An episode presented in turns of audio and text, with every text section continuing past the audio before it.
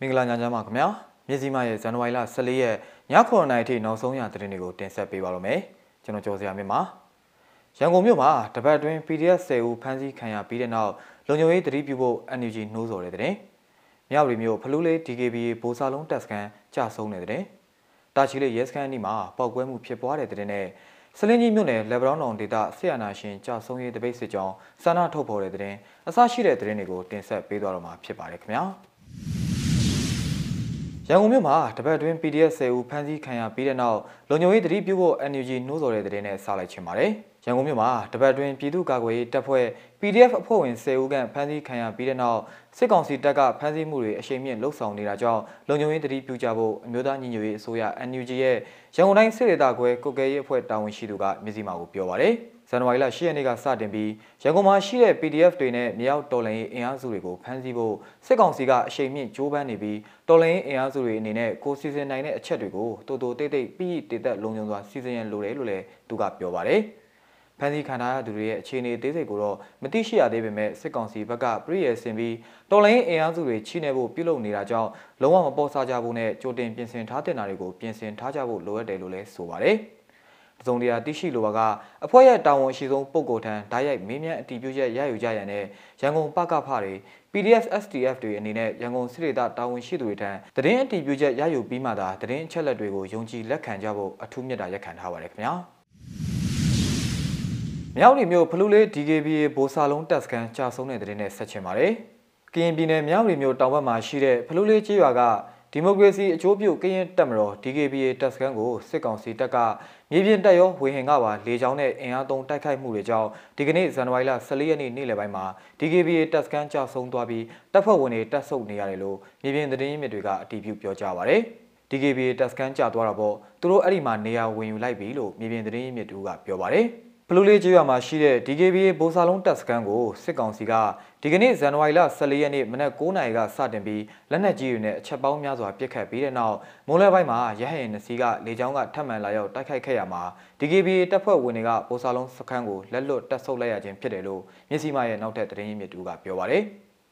တိုက်ပွဲတွင်နှစ်ဖက်ထိခိုက်ကြဆုံးမှုရှိကြောင်းသတင်းရရှိထားပေမဲ့မြစီမာကတိတိကျကျအတိမပြုနိုင်သေးပါဘူး။ အဲ့ဒီ DKBA ဘူစာလုံးစခန်းအနီးနဲ့ဖလူးလေးကျေးရွာကိုပြီးခဲ့တဲ့ဇန်နဝါရီလ10ရက်နေ့ကစတင်ပြီးစစ်ကောင်စီတပ်ကလက်နက်ကြီးတွေနဲ့ပစ်ခတ်မှုလေကြောင်းကထိုးစစ်ဆင်တိုက်ခိုက်မှုတွေကြောင့်တိုက်ပွဲပြင်းထန်နေတာဖြစ်ပြီးဖလူးလေးကျေးရွာကနေအိမ်ချို့လက်နက်ကြီးထိမှန်ပျက်စီးမှုတွေလည်းရှိခဲ့ပါတယ်။လက်ရှိမှာတိုက်ပွဲကြောင့်ဖလူးလေးကျေးရွာကနေရမပြန်နိုင်သေးတဲ့စစ်ဘေးဒုက္ခတွေအများပြားတောင်ရင်မြစ်ကိုကူးဖြတ်ပြီးတစ်ဖက်ထိုင်းနိုင်ငံကိုထွက်ပြေးတိမ်းရှောင်နေရဆဲဖြစ်တယ်လို့သတင်းရင်းမြစ်ကပြောပါတယ်ခင်ဗျာ။ ညီနေတော့ညီနေတော့ဒေးမြန်လာပြန်ဟောဒါတွေကမြင်နေရ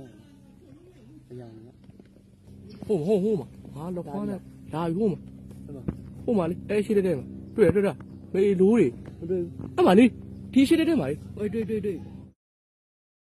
အေးဟာပြစ်ပြီရပြစ်ပြီဟာလိုးလားငါတို့ဒီမေးဆက်ပါပဲဒါမှ ကနေကနေဘယ်ဝိုင်းဘယ်တာကြတယ်ဘယ်တော့ပြီလားငါလာဘယ်စားပြီကွာတာချီလိတ်ရဲစခန်းအနီးမှာပောက်ကွဲမှုဖြစ်ပွားတဲ့တဲ့ရင်ကိုတင်ဆက်ပေးပါမယ်။ရှမ်းပြည်နယ်အရှေ့ပိုင်းတာချီလိတ်မြို့နယ်တာချီလိတ်ရဲစခန်းအနီးမှာဒီကနေ့ဇန်နဝါရီလ14ရက်နေ့နေ့လယ်17နာရီခန့်ကဘုံနှလုံးပောက်ကွဲမှုဖြစ်ပွားခဲ့တယ်လို့သိရပါဗျ။ တာချီလိတ်မြို့နယ်ရဲစခန်းအနောက်ဘက်ကနေပောက်ကွဲတံနှစ်ချက်ထွက်ပေါ်လာခြင်းဖြစ်ပြီးဖြစ်စဉ်အသေးစိတ်ကိုတော့မသိရှိရသေးဘူးလို့ဒေသခံတွေကပြောပါရယ်ရဲစခန်းအနောက်နားကလာတဲ့အတန်ကနှစ်ချက်ဝုန်းကနေပဲအဲ့လမ်းဘက်ကသူတို့တွေနဲ့ပြည်နေလို့တော့တေချာသွားမကြည့်ရသေးဘူးလို့ဒေသခံတို့ကပြောပါရယ်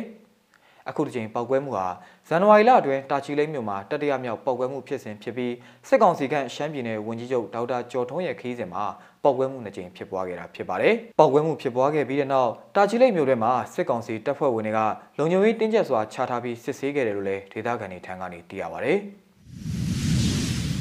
စကိုင်းတိုင်းဒေသကြီးစလင်းကြီးမြို့နယ်လေဗရောင်းတောင်ဒေသမှာဆီယနာရှင်ကြာဆုံးရေးအတွက်ဒီကနေ့ဇန်နဝါရီလ14ရက်နေ့မှာချီတက်ဆန္ဒထုတ်ဖော်ခဲ့ကြပါတယ်။ ရုပ်တံဖိုင်ကိုလည်းရှုသားရအောင်ပါ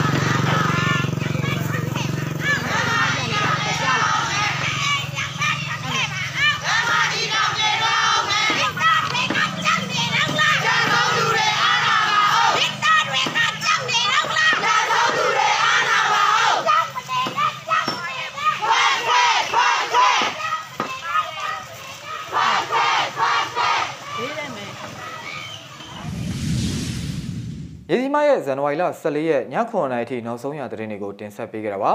မြန်မာပြည်သူပြည်သားပေါင်းဘေးရန်ရဲ့မျိုးမျိုးကနေကင်းဝေးကြပါစေခင်ဗျာ